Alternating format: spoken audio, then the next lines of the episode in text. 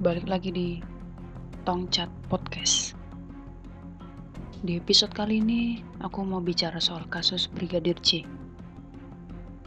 Seperti kita tahu, pada tanggal 12 Juli 2022, kita digemparkan oleh berita meninggalnya seorang anggota polisi di kediaman rumah dinas Irjen FS akibat baku tembak dengan anggota polisi juga, yaitu pada tanggal 8 Juli 2022.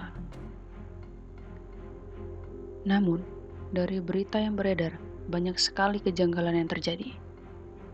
Ditambah lagi, ketika keluarga Brigadir J speak up ke halayak luas tentang kondisi tentang kondisi jenazah Brigadir J yang babak belur bukan seperti orang yang meninggal karena baku tembak. Adapun kejanggalan yang terjadi.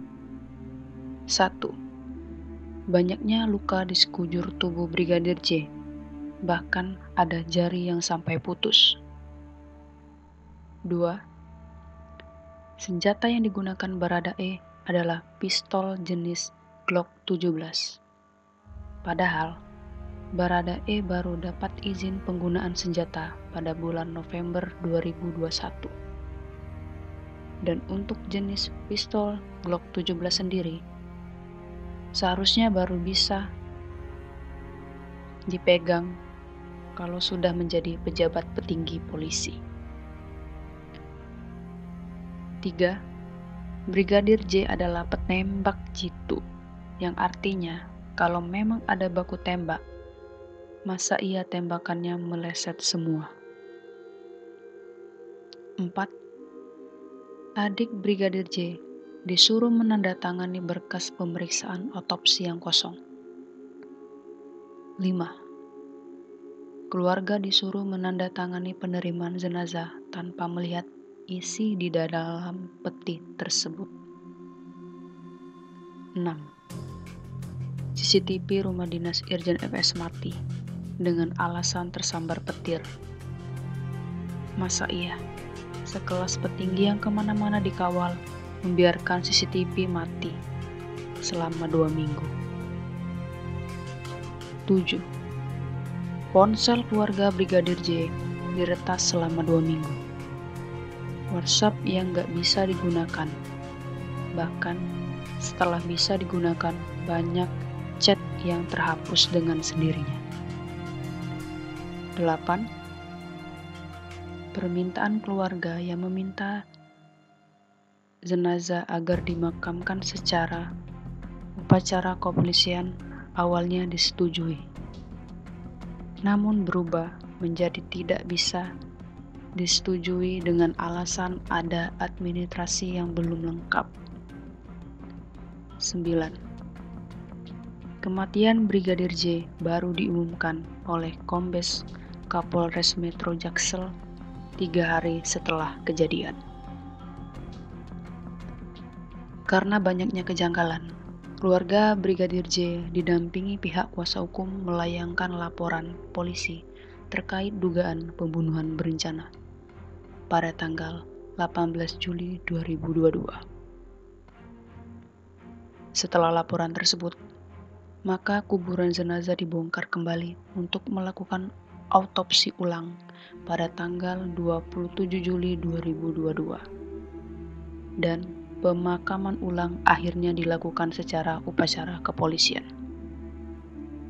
Hasil autopsi sendiri baru akan keluar di minggu keempat sampai delapan minggu kemudian. Pak Jokowi sampai memanggil Jenderal Kapolri ke Istana Kepresidenan untuk meminta agar kasus ini bisa diusut tuntas. Jangan ada yang ditutupi ungkap kebenaran apa adanya.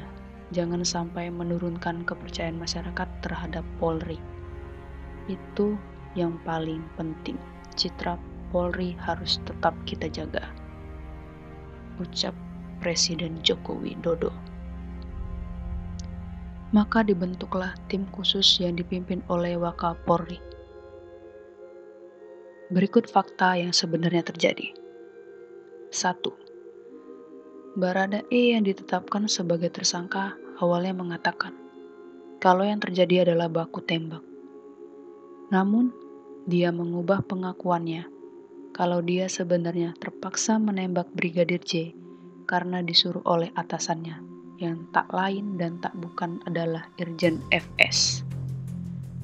Dari pengakuan tersebut, lantas membuat penyidik memeriksa Irjen FS dan pada tanggal 9 Agustus 2022, Kapolri mengumumkan bahwa Irjen FS ditetapkan sebagai tersangka dengan pasal pembunuhan berencana dengan ancaman hukuman mati atau seumur hidup. 2.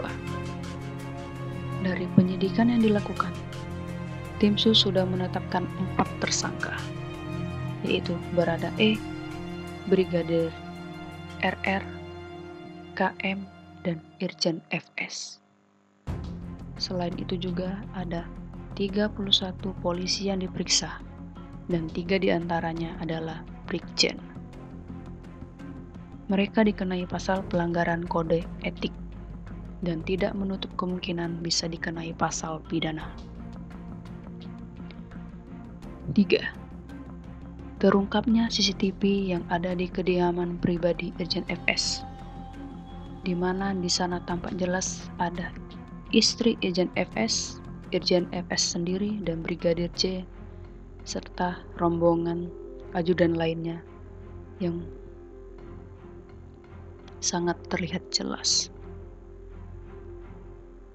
CCTV tersebut Tak selang beberapa waktu sebelum Brigadir J diisi, dieksekusi.